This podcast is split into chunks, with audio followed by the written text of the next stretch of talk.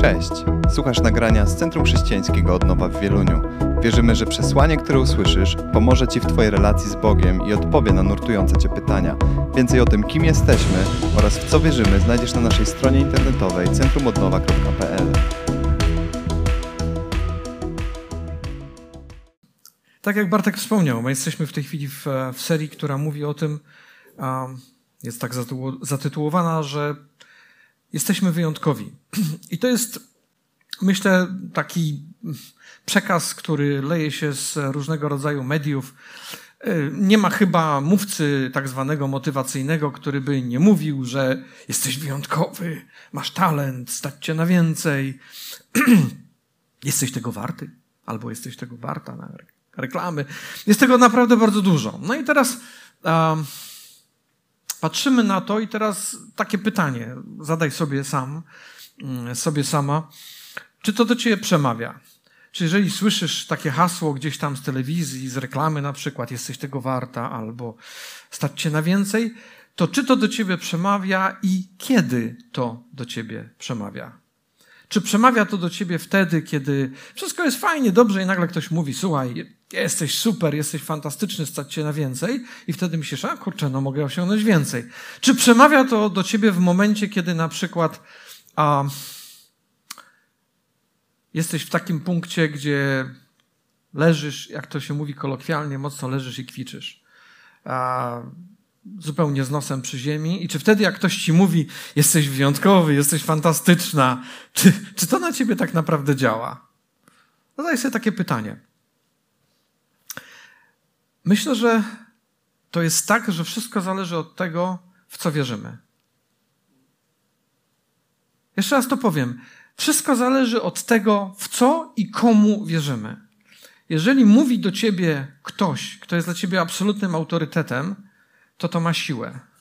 Jeżeli mówi tam jakiś sobie głosik gdzieś tam z telewizora czy gdzieś, to to może nie mieć żadnej siły.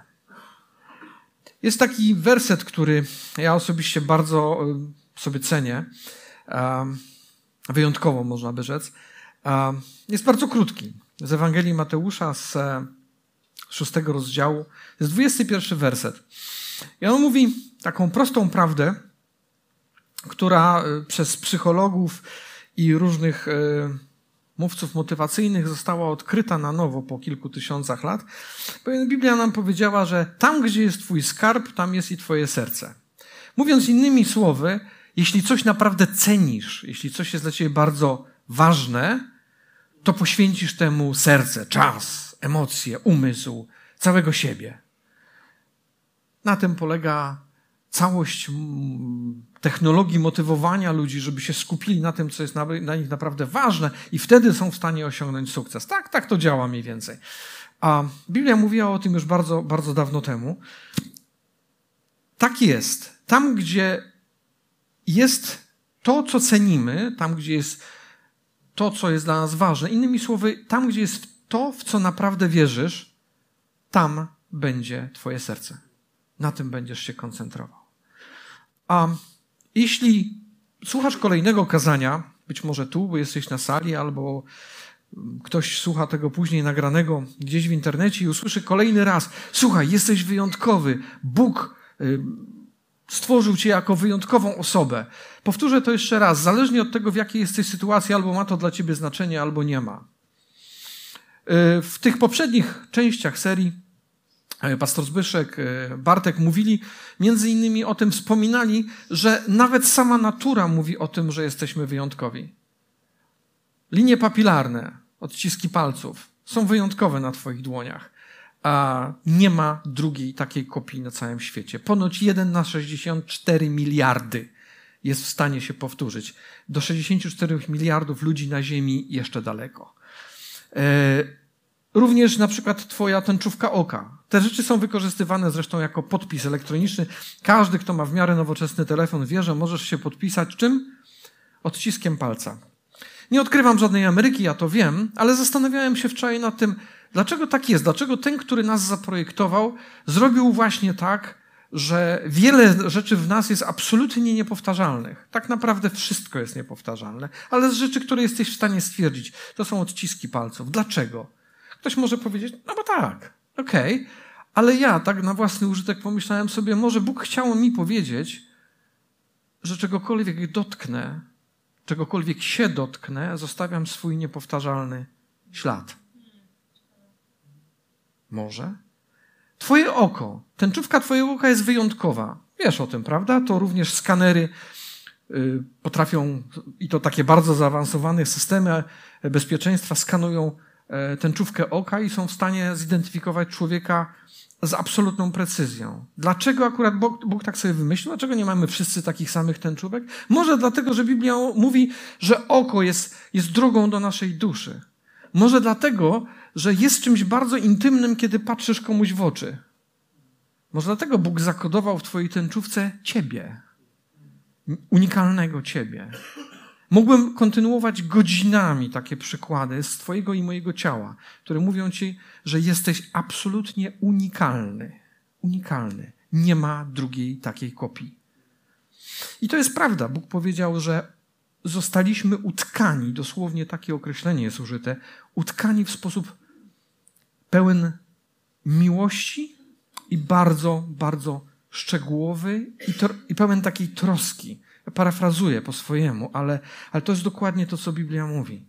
Ja wiem, że być może w dalszym ciągu cię to nie przekonuje i dlatego chciałem przejść przez pewien fragment biblijny dzisiaj, który mam nadzieję, a przekona cię, że naprawdę jesteś unikalny w skali wszechświata. Jeśli teraz przysypiasz albo przymykasz oko, mówię, tak, znowu będą mi mówili, e, że ja jestem taki unikalny, a siedzę po uszy w miejscu niefajnym e, i wcale się nie czuję unikalny. Jest taki fragment. Możecie sobie go otworzyć, jeżeli macie pod ręką. E, Ewangelia Jana od czwarty rozdział.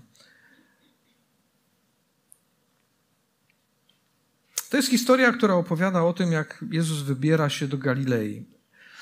I tak możemy od czwartego wersetu zobaczyć, w drodze do Galilei Jezus musiał przejść przez Samarię. Fragment, który już część z Was przynajmniej dobrze wie, e, o czym mówi. Znana scena dla wielu z Was bardzo dobrze. Ale ja chciałbym ją odkryć Wam troszeczkę dzisiaj na nowo. I spróbujmy to zrobić razem, bo zobaczycie, że jest wyjątkowa. Tak jak Ty i ja.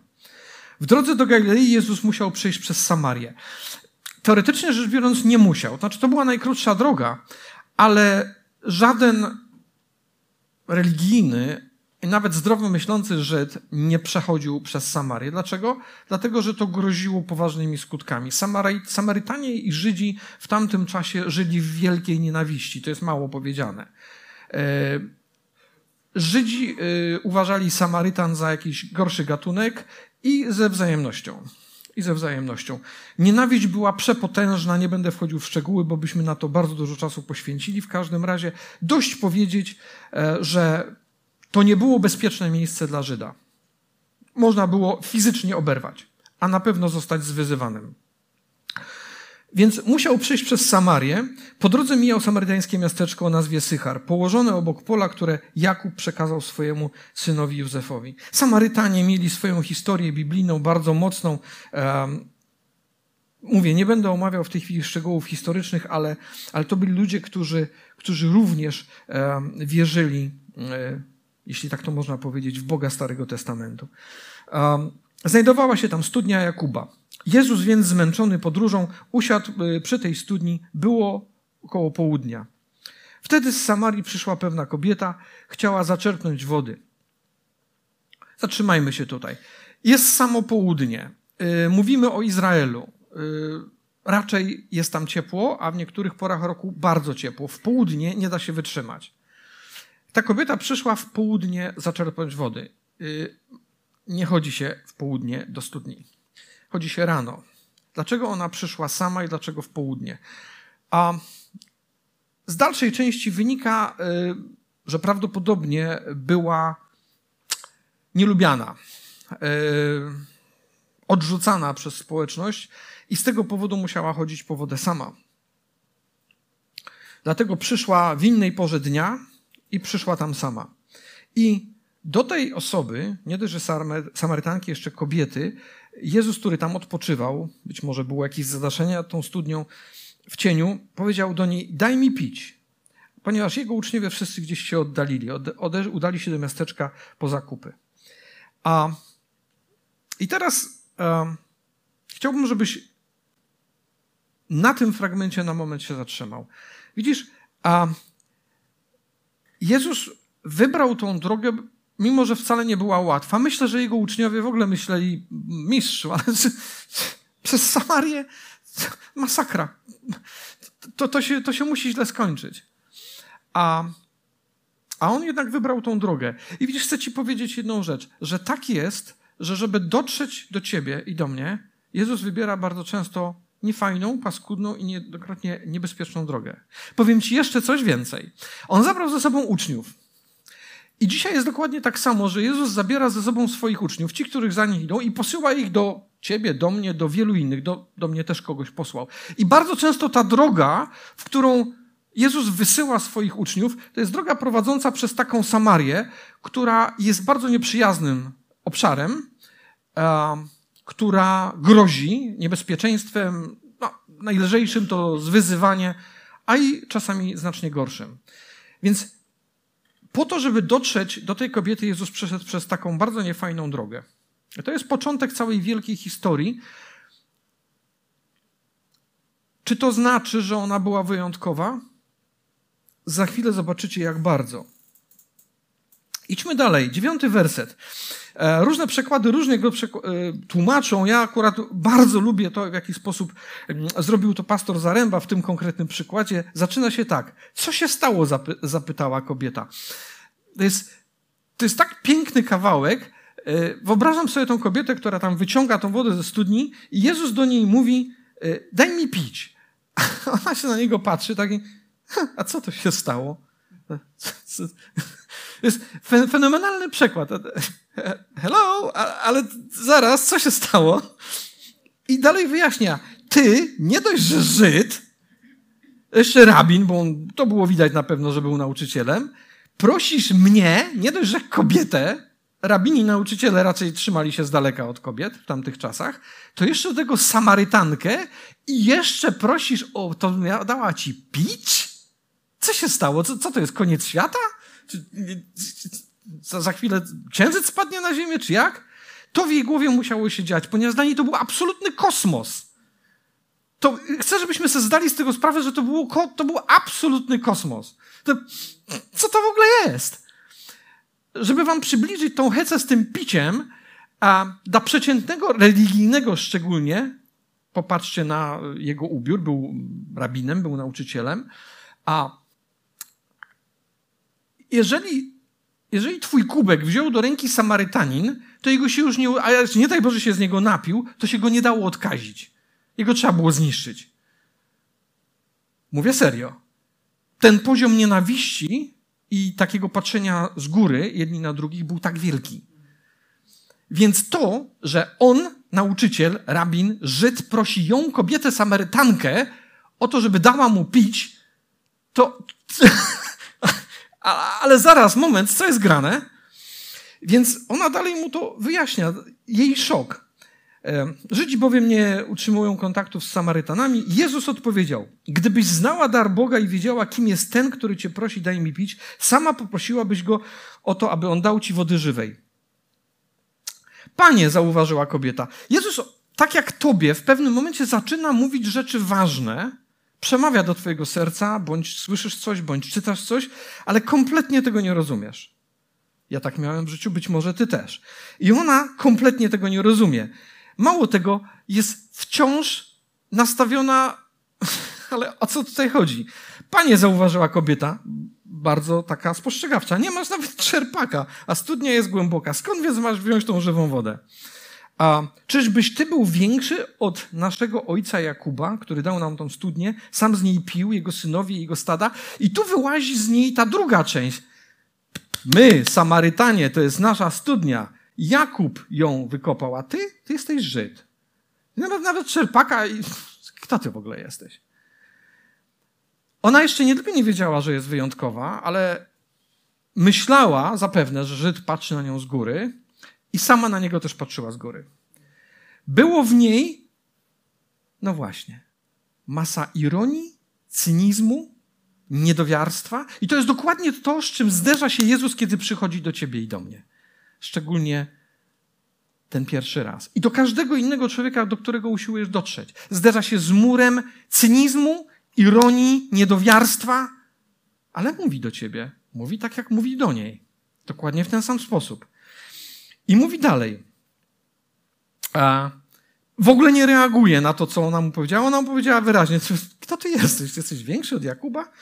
Spoko. Mówi, jakby, jakby do niego nic nie powiedziała. Mówi tak. Odpowiedział, każdy, kto pije tę wodę, znów będzie odczuwał pragnienie, lecz ten, kto napije się mojej wody, nie zazna pragnienia na wieki. Woda, którą ja mu dam, stanie się w nim źródłem wody tryskającej życiem wiecznym. Nie wiem, czy ty to czujesz. Jezus objawia jej rzeczy gigantyczne. Mówi o, o tym, co On jest w stanie dać jej i każdemu innemu. Czy ona to w tamtym momencie była w stanie zrozumieć? Odpowiedz sobie sam. Oczywiście, że nie. I tak jest dokładnie. Bóg zaczyna mówić do Twojego i mojego serca, dlatego, że jesteś dla Niego wyjątkowy. Czy Ty to wtedy rozumiesz? Najczęściej nie. 99% z rzeczy, które słyszałem w momencie, kiedy się nawracałem, ja kompletnie tego nie kumałem. Wielu z nich w dalszym ciągu nie rozumiem, ale to jest oddzielny temat. A Jezus mówi, że to, co ja ci dam, jeżeli napijesz się mojej wody, staniesz się źródłem, z którego wypłynie życie wieczne. Ona, rezolutna kobieta, mówi tak: Panie, daj mi tej wody, abym już więcej nie czuła pragnienia i nie przychodziła do tej studni. Bardzo konkretna, chodząca po ziemi kobieta. Chcesz mi dać jakąś wodę, że ja już nie będę czuła żadnego pragnienia? O, super, nie będę musiała codziennie chodzić do tej studni, ale fajnie.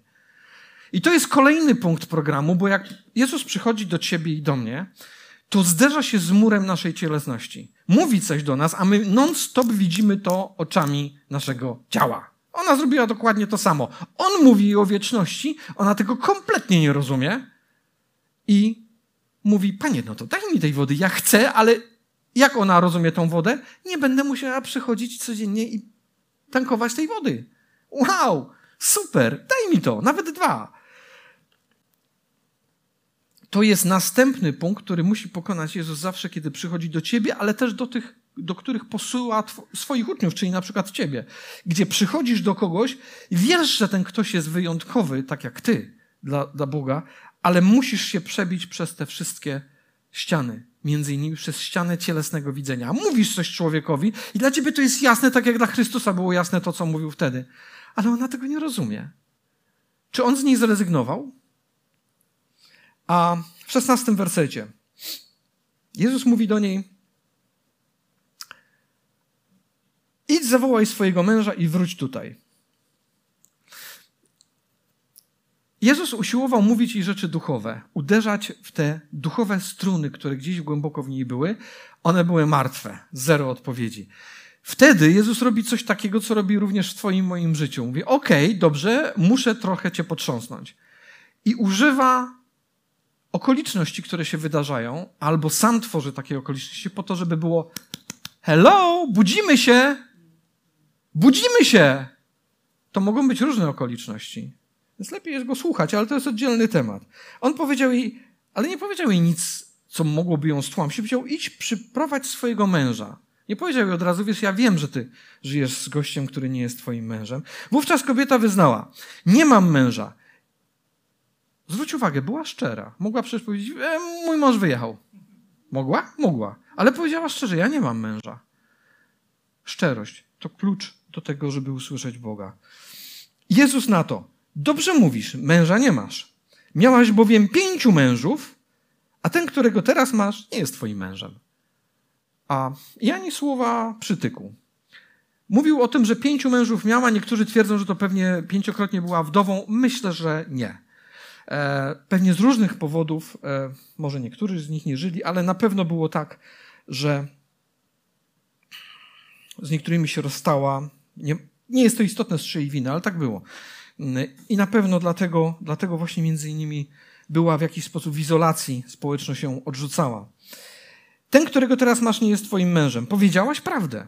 Podkreśla to. Nie mówi jej nic złego, ale mówi, widzisz, szczera jesteś, powiedziałaś prawdę. Super. I w tym momencie dzieje się coś dziwnego. To jest, zadziałało. Kobieta się budzi. Od tego momentu, zwróćcie uwagę, ona zaczyna traktować go na serio. O! To jest to. Bóg robi coś w Twoim i moim życiu, żeby Cię pacnąć, żeby Cię obudzić, żeby przykuć Twoją uwagę. Hello! Słuchaj mnie w końcu. Panie, zauważyła kobieta, widzę, że jesteś prorokiem. Hmm. Nasi ojcowie na tej górze oddawali cześć Bogu, wy natomiast mówicie, że w Jerozolimie jest miejsce, gdzie należy to czynić. A Jezus powiedział, kobieto, wierz mi, nadchodzi godzina, ani gdy ani na tej górze, ani w Jerozolimie nie będziecie oddawali czci Ojcu. Zatrzymajmy się tutaj. A kobieta, kiedy zaczyna traktować go na serio, zaczyna rozumieć, że on jest kimś więcej niż tylko zwykłym rabinem, nagle budzi się w niej to wszystko, co wynikało z tego, czego się pewnie nauczyła, usłyszała gdzieś tam w synagodze, jakąś tą wiedzę religijną miała. I to jest dokładnie u nas to samo. Mamy ugruntowane różnego rodzaju schematy, mamy ugruntowane różnego przyzwyczajenia, tradycje, mamy to powbijane do głowy od najmniejszych na młodszych lat. Jezus musi się z tym zmierzyć. Musi się przez to przebić, żebyś zrozumiał, kim on naprawdę jest. On mówi do niej, przyprowadź męża. Ona budzi się z letargu i zaczyna mówić e, swoje, wylewać swoje religijne dylematy. No, wy, Żydzi, to twierdzicie, że tam w Jerozolimie, a my u nas tutaj to na tej górze. Brzmi znajomo? Jak komuś głosisz, a ktoś mówi, no wy to tam, tym, w tamtym kościele to tak, a u nas to co innego. Religia, religia, religia. A Jezus zrobił coś niesamowitego tutaj i robi to to samo w Twoim moim życiu. Objawia jej rzecz niesamowitą. Objawia jej coś, czego ona nie była w stanie kompletnie zrozumieć. Myślę, że zrozumiała kiedyś, ale dzięki temu, że jej to objawił, my wszyscy, ty i ja, też to przeczytaliśmy. On ogłosił koniec systemu świątynnego. On powiedział: Kobieto, wierz mi, nadchodzi godzina, gdzie ani na tej górze tam tego nie będziecie robić, ani w tej świątyni w Jerozolimie nie będziecie tego robić. Czy ona była w stanie to zrozumieć wtedy? Kompletnie nie. Ale być może zrozumiała później. Tak jest z Tobą i ze mną. Bóg bardzo często objawia Ci, jeśli masz Biblię przy sobie, w telefonie czy w ręce, to popatrz na nią. To wszystko, co masz w książce albo w telefonie, to jest Boże objawienie, znacznie większe niż to, którego dostąpiła ona. Czy ona była w stanie to zrozumieć w całości? Nie. Ale Bóg jej to powiedział, dlatego że uważał, że jest na tyle wyjątkowa, żeby mogła to usłyszeć. Ale to jest tylko jeszcze początek. Zobaczcie, co się dzieje dalej. Bóg, Jezus mówi do niej dalej tak: Nie będziecie oddawali czci Ojcu. Wy czcicie tego, to, czego nie znacie. My czcimy to, co znamy, bo zbawienie pochodzi od Żydów. Bóg, kiedy przychodzi do ciebie i do mnie, ponieważ tak strasznie cię kocha, on chce cię otrzeźwić z tego wszystkiego, w czym siedzisz. I czasami, ponieważ Cię kocha i mnie kocha, daje nam szansę wyboru. Myślisz, co to za wybór? Ano taki wybór. On był Żydem, ona była Samarytanką. Możesz sobie wyobrazić, jaki kocioł nienawiści tam był. I on mówi, wiesz co, wy czcicie to, czego wy nie znacie. My, Żydzi, czcimy to, co znamy i zbawienie pochodzi od Żydów. Czy mogła w tym momencie się wkurzyć? Powiedzieć, aj, idź mi stąd. Mogła? Mogła. Miała wybór. Mogła pójść za swoją wkurzoną emocją, za dotknięciem czegoś tam w jej duszy, a mogła pomyśleć, kurczę, on mówi prawdę. Wybór między prawdą a emocją. Prawdą a Ona dokonała wyboru, pozostała, słuchała jego jakiego ty dokonujesz, czy jakiego dokona ktoś, komu głosisz Ewangelię, to jest oddzielny temat, ale on jej to powiedział nie dlatego, że chciał ją stłamsić, ale dlatego, że chciał jej pozwolić dokonać wyboru. Mówi tobie i mnie rzeczy bardzo ważne, najważniejsze i daje szansę tobie i mnie, mm, burząc jednocześnie te schematy, daje szansę, żebyś dokonał wyboru.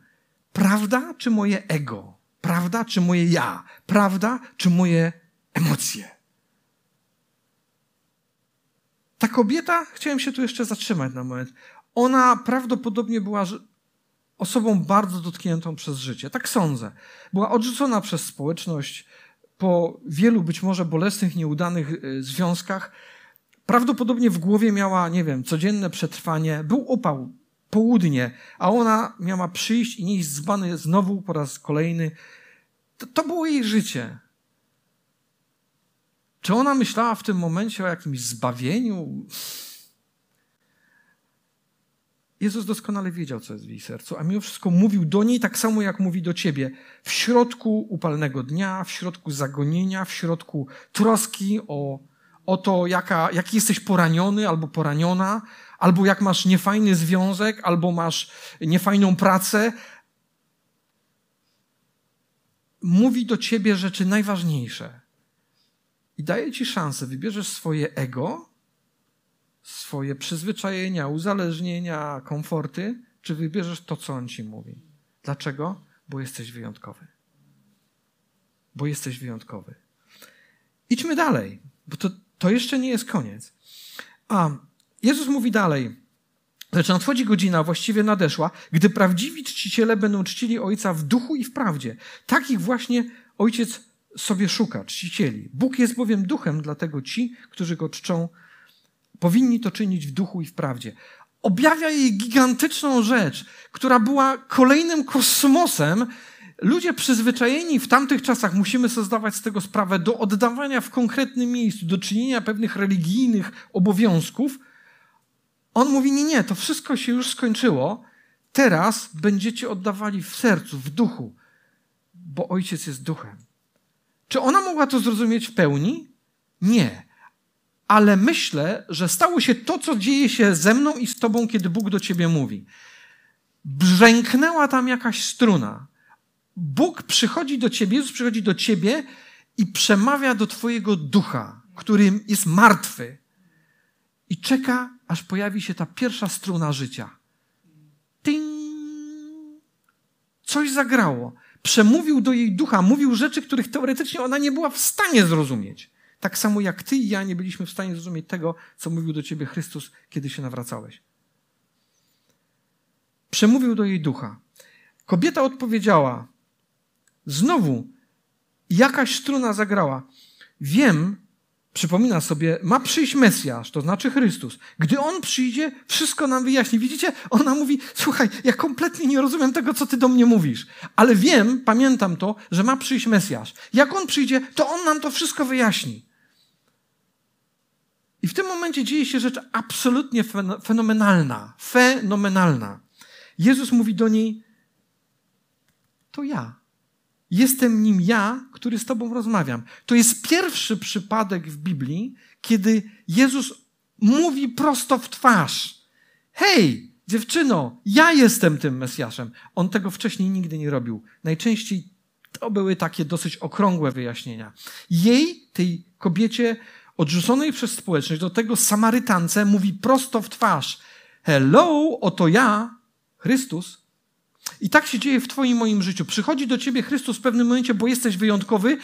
Dlaczego? Dlatego, że chce, żebyś go poznał osobiście. Nie przez kogoś tam, coś tam, tylko mówi: Hello, to ja, to ja, Twój zbawiciel. I tak jej powiedział. On odwołał się do jej jakichś skrytych pragnień, poszukiwań serca Twoich i moich, puka do Twojego serca. On zna drogę. Robi to w taki sposób, żeby ta struna zadźwięczała. Po to, żebyś mógł go poznać, poznać osobiście. Wtedy pojawiają się jego uczniowie. A, I byli zaskoczeni, że rozmawia z kobietą. To właśnie o tym mówiłem.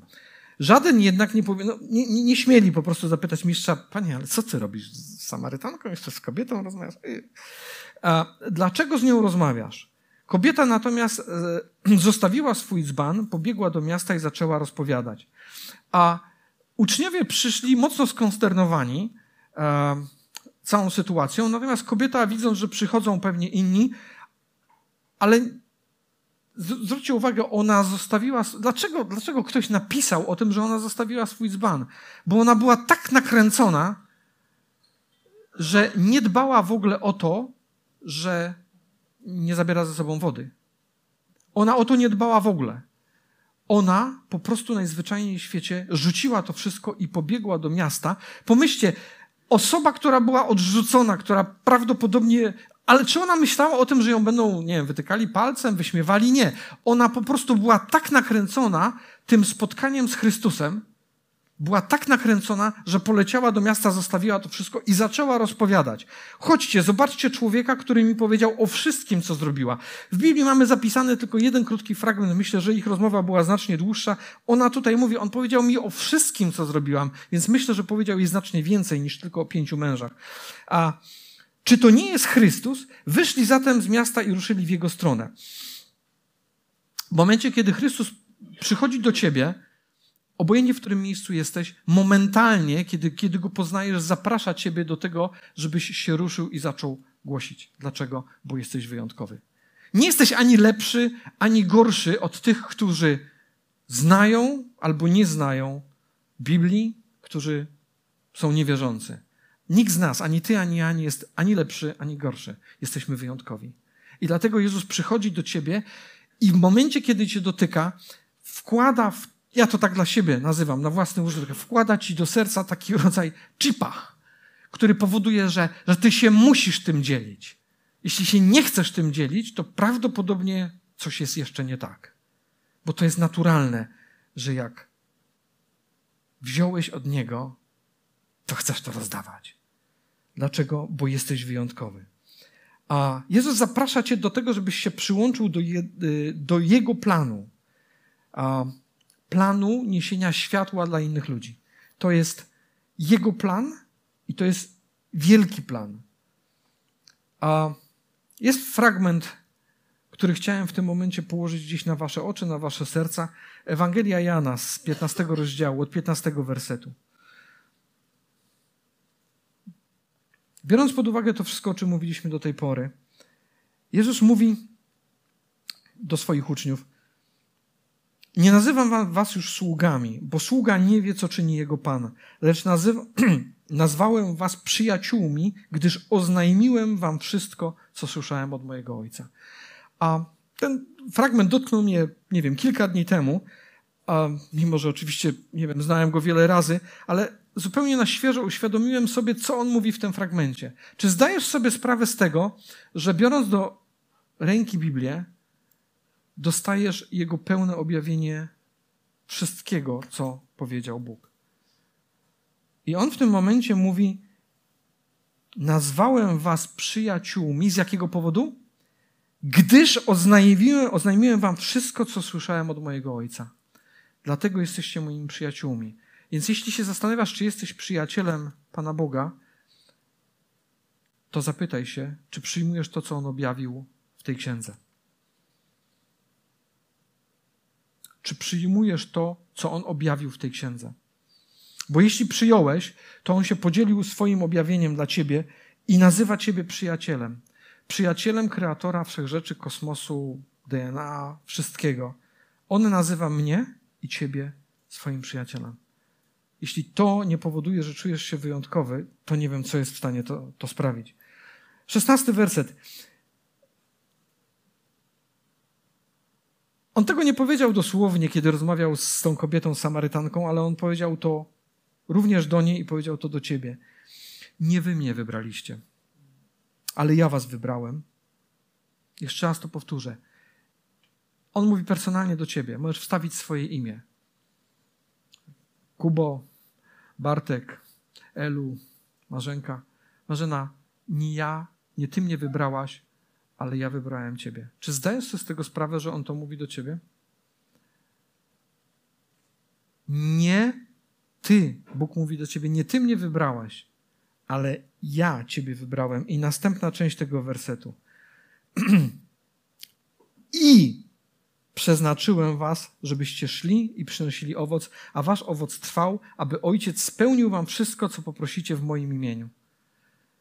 Idziesz, przynosisz owoc. Dlaczego? Bo zostałeś do tego powołany. Dlaczego zostałeś powołany? Bo zostałeś przez Niego wybrany. A dlaczego zostałeś wybrany? Bo jesteś wyjątkowy i uwierzyłeś. To jest takie proste. Nie jesteś ani lepszy, ani gorszy od tych, którzy nie rozumieją. Tak jak kobieta, czy ona rozumiała, Samarytanka? Nie, ona nie rozumiała, ale Jezus do niej mówił. Mimo wszystko mówił i czekał na moment, w którym to, co w niej spało, to, co w niej było martwe, obudzi się. I to się stało. Na potwierdzenie tego chcę wam przeczytać jeszcze fragment z Jana z czwartego rozdziału, od 39 wersetu, czyli jakby dalszą część. Co do Samarytan mieszkających w miasteczku, to wielu uwierzyło w Niego dzięki świadectwu kobiety, które rozgłaszała. Powiedział mi o wszystkim, co uczyniłam. Twoje świadectwo jest niezmiernie ważne. Obojętnie, czy jesteś przekonany o tym, że ten, komu głosisz, też jest wyjątkowy, czy nie. Ale to jest strasznie ważne, że mówisz, co Bóg ci zrobił, co ci powiedział. Gdy więc przyszli do niego, prosili, aby u nich pozostał i pozostał tam dwa dni, wielu też innych uwierzyło dzięki jego słowu. I powiedzieli kobiecie, wierzymy już nie dzięki twojemu opowiadaniu, ale teraz sami przekonaliśmy się, że on jest zbawcą świata. To jest to, głosisz komuś, przyprowadzasz go do Chrystusa, a dalej on słucha Jego słowo i jego życie się zmienia. Czy ona nie miała zajęć, które ją przygniatały, a może zmartwień, może bólu? Myślę, że miała dosyć. Nagle ni stąd, ni zowąd dostała skrzydeł, zaczęła biegać po wszystkich ludziach, mówić: Słuchajcie, poznałam kogoś, kto powiedział mi wszystko. Czy on nie jest Mesjaszem, czy on nie jest Zbawicielem? Robi dokładnie to samo w Twoim, moim życiu. Zrobił to, jeśli, jeśli tu jesteś, jeśli wierzysz w Niego, ale może to zrobić w życiu każdego innego, kto jest obok Ciebie. Kto żyje razem z Tobą, kto mieszka, kto pracuje. A dlaczego? Bo ten człowiek jest wyjątkowy. Tak jak była ta kobieta, mimo że gdybyś w tamtym momencie podszedł do niej i zapytał, czy czujesz się wyjątkowa, to myślę, że w najlepszym przypadku. Yy, potraktowałaby cię takim tekstem jak Chrystusa. A co to się stało? Ty mnie? Pytasz o to? Czy ja jestem wyjątkowa? To popatrz na mnie, zobacz, jak mnie ludzie traktują, w jakim miejscu ja jestem, jakie mam problemy, w czym żyję. I ty się pytasz, czy ja jestem wyjątkowa? Ja jestem mniej niż nikt. Myślę, że dokładnie to by powiedziała. Mimo wszystko Jezus przychodzi do ciebie w twoim punkcie, w którym jesteś i zaczyna ci mówić o rzeczach bardzo ważnych przemawia do Twojego ducha. Przebija się spokojnie i cierpliwie przez wszystkie mury tradycji, religii, cynizmu, a, wszystkiego niedowiarstwa, wszystkiego, co, co Cię blokuje. I przemawia do Twojego ducha, po to, żeby go obudzić. A kiedy już się obudzi, to mówi Ci: OK, teraz idź, idź się z innymi. To jest Jego plan. Jego najlepszy dla ciebie i dla mnie. I chciałbym jeszcze raz przypomnieć ten werset z samego początku a z Ewangelii Mateusza. Tam, gdzie jest twój skarb, tam jest twoje serce. Jesteś wyjątkowy, ale chciałbym ten werset przez moment odwrócić w twojej głowie. Wiesz o tym, że zostałeś stworzony, zostałaś stworzona na obraz i podobieństwo Boga. Słyszałeś to pewnie setkę razy w życiu. Pewnie nie zawsze to czujemy, ale taka jest prawda. To znaczy, że Bóg o sobie też może to powiedzieć. Tam jest moje serce, gdzie jest mój skarb, a Ty jesteś moim skarbem. Ty jesteś wyjątkowy, jesteś wyjątkowa. Jesteś moim skarbem. I dlatego moje serce jest przy Tobie. I dlatego posunę się do najtrudniejszych rzeczy po to, żeby Ciebie zdobyć. Pytanie, czy Ty potrafisz zrozumieć, co jest naprawdę skarbem dla Ciebie? Czy ja, czy Ty, czy potrafisz zrozumieć? Czy w zakrzyczeniu tak jak ta Samarytanka. Jeszcze raz chciałbym przywołać jej obraz. Odrzucona, idąca, y, ona nie miała kranu w ścianie, także mogła sobie tam otworzyć wodę. Musiała codziennie pokonać prawdopodobnie, nie wiem, może parę kilometrów po to, żeby przynieść wodę. W południe, bo wcześniej nie mogła, bo by jej nie pozwolili. A być może poraniona tym, co się w jej życiu stało. Tęskniąca za miłością, spokojem, pokojem Możesz sobie tu wstawić, co chcesz. I nagle pojawia się człowiek, który wydaje się, że jest zupełnie z kosmosu, przemawia do jej serca i wszystko się zmienia. Dlaczego? Bo jest wyjątkowa. Bo jest absolutnie unikalna. Ty i ja jesteśmy unikalni, bo jesteście skarbem dla tego, który oddał swojego syna, żebyś mógł poznać wolność.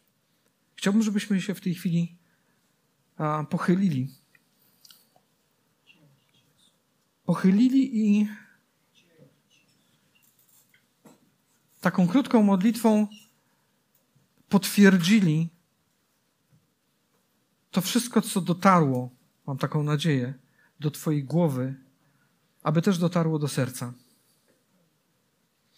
Panie, Ojcze, przychodzimy do Ciebie dziękując Ci za to, że Ty nas, takich zwykłych, szarych ludków, wziąłeś sobie jako swój umiłowany skarb.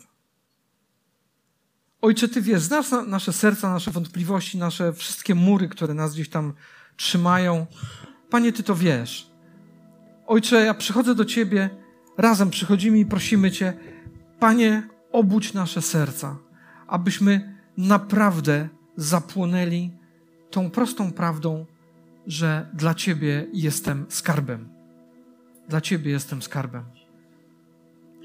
I że wszystko inne jest nieważne. No, nieważne są moje komforty, nieważne są moje zranienia, nieważne jest wszystkie moje lęki, wszystkie moje pragnienia, bo Ty kochasz mnie tak bardzo, że zaspokoisz to wszystko, co jest mi potrzebne. Panie, Ty to obiecałeś. Panie, ja wyznaję, że nie jestem ani lepszy, ani gorszy od wszystkich innych ludzi, ale wierzę Tobie. Wierzę Tobie, ufam Tobie i dlatego jestem Twoim dzieckiem. Amen. Jeśli nie jesteś pewien, czy, czy stałeś się dzieckiem Boga, Biblia mówi wielokrotnie o tym, że stajesz się dzieckiem Bożym wtedy, kiedy pokładasz swoje zaufanie, kiedy wierzysz Jezusowi. Możesz to zrobić w tej chwili, jeśli, jeśli masz wątpliwości, jeśli nie czujesz jeszcze tego, to zawołaj do Niego w takiej prostej modlitwie, takiej deklaracji, która po prostu powie: Tak, to jest moja decyzja, ponieważ moje życie jest w moim ręku, ja mówię: Tak, chcę być z Tobą. Możesz to zrobić teraz, modląc się a, prostą modlitwą, która jest tylko wyznacznikiem tego, co, co możesz Bogu powiedzieć. Powtarzajcie to, jeśli, jeśli taka jest w Waszym sercu wola. Ojcze, Panie, ja dziękuję Ci za Twojego syna. Panie, dziękuję Ci za to, że Ty przychodzisz, pokonujesz wszelkie trudności, aby do mnie dotrzeć.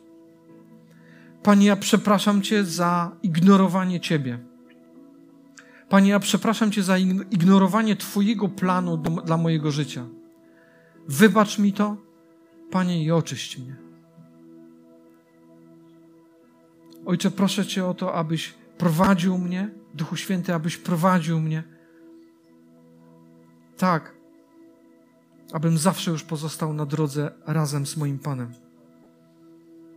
Amen.